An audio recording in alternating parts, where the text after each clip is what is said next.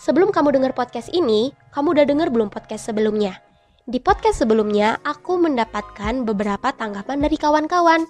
Di antaranya, masih ada yang ragu akan terjaminnya kerahasiaan yang mereka ceritakan terhadap psikolog dan juga masih ada yang bingung gimana sih cara ngomong sama orang baru terlebih yang akan dibicarakan itu adalah masalah pribadi jujur aku sebenarnya itu uh, gak gampang luwes untuk ngomongin masalah pribadi. Sedangkan kita kalau ke psikolog itu kan pasti akan menyampaikan eh, masalah-masalah pribadi kan ya. Aku tuh ke sana itu tuh karena memang sudah merasa butuh bantuan profesional untuk menemukan titik terang. Akhirnya aku memberanikan diri untuk konsultasi ke psikolog yang ada di puskesmas. Soal terjaminnya kerahasiaan Aku yakin dan percaya psikolog yang kita jadikan wadah untuk berkonsultasi itu pasti di bawah naungan profesional. Psikolog yang aku temui mahasiswa koas dari Fakultas Psikolog Universitas Indonesia.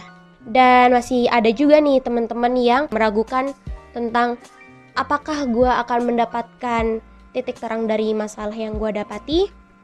Sejauh ini, gue mendapatkan setidaknya gue merasa lebih tenang walau belum sepenuhnya karena semua butuh proses kan?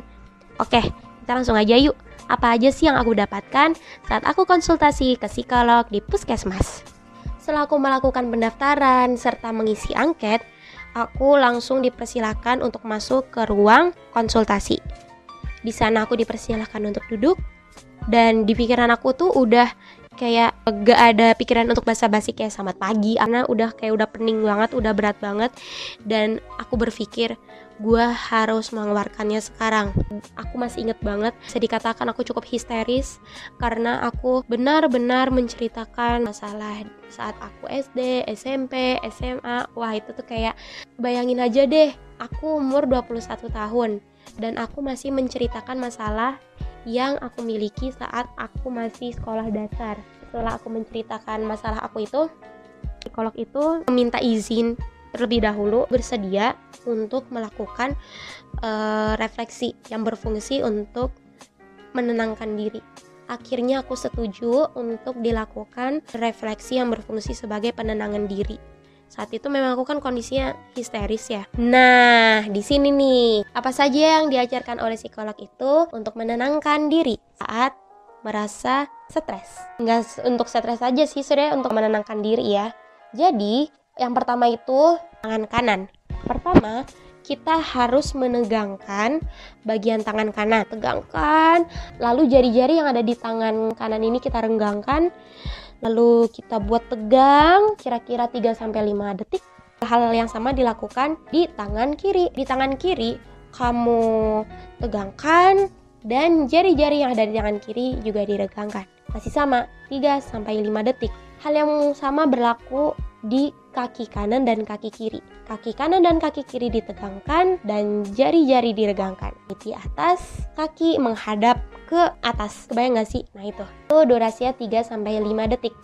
Sudah dilakukan peregangan otot di tangan dan di kaki. Kita juga melakukan peregangan otot di jidat. Di situ mengeringitkan jidat 3 sampai 5 detik. Setelah di jidat, kita katupkan mulut ke dalam, lalu gigi atas bawah menahan dan lidah diangkat ke langit-langit mulut 3 sampai 5 detik. Setelah dilakukan refleksi itu, psikolog itu juga bertanya, apakah merasa lebih tenang? Jujur aku merasa sedikit lebih tenang gak setegang setelah aku cerita itu. Mungkin kalian berpikir, apa sih yang dilakukan psikolog itu ketika aku bercerita? Kemarin, saat aku bercerita, psikolog tersebut menuliskan poin-poin dari masalah yang kita miliki dan memberikan beberapa pertanyaan yang berkaitan dengan masalah kita. Aku diajari juga tentang safe space. Safe space adalah kegiatan di mana kalian memvisualisasikan tempat yang aman, tempat yang nyaman, aroma, serta orang-orang yang ada di sana dan kalian melakukan apa saja yang di dalam pikiran kalian. Fungsi dari safe space ini adalah ketika kalian merasa stres kalian bisa langsung membayangkan space-space yang kalian miliki. Dari hasil diagnosis, ternyata aku memiliki keinginan untuk suicide. Tapi hal itu bisa dipulihkan dengan melakukan refleksi yang sudah aku berikan ke kalian, safe space, dan memperbanyak kegiatan yang aku enjoy dan juga refleksi yang sudah aku berikan tadi dan juga safe space termasuk itu juga nggak cuman untuk orang-orang yang memiliki indikasi untuk suicide kawan-kawan yang sekiranya memang butuh ketenangan bisa dilakukan uh, peregangan otot itu sendiri serta membayangkan tentang safe space yang kamu miliki. Terima kasih buat kalian semua yang udah dengerin podcast ini. Aku harap semoga podcast ini bisa menjadikan referensi untuk kalian semua yang sekiranya butuh ketenangan. Hope it will be better. Semangat and see ya.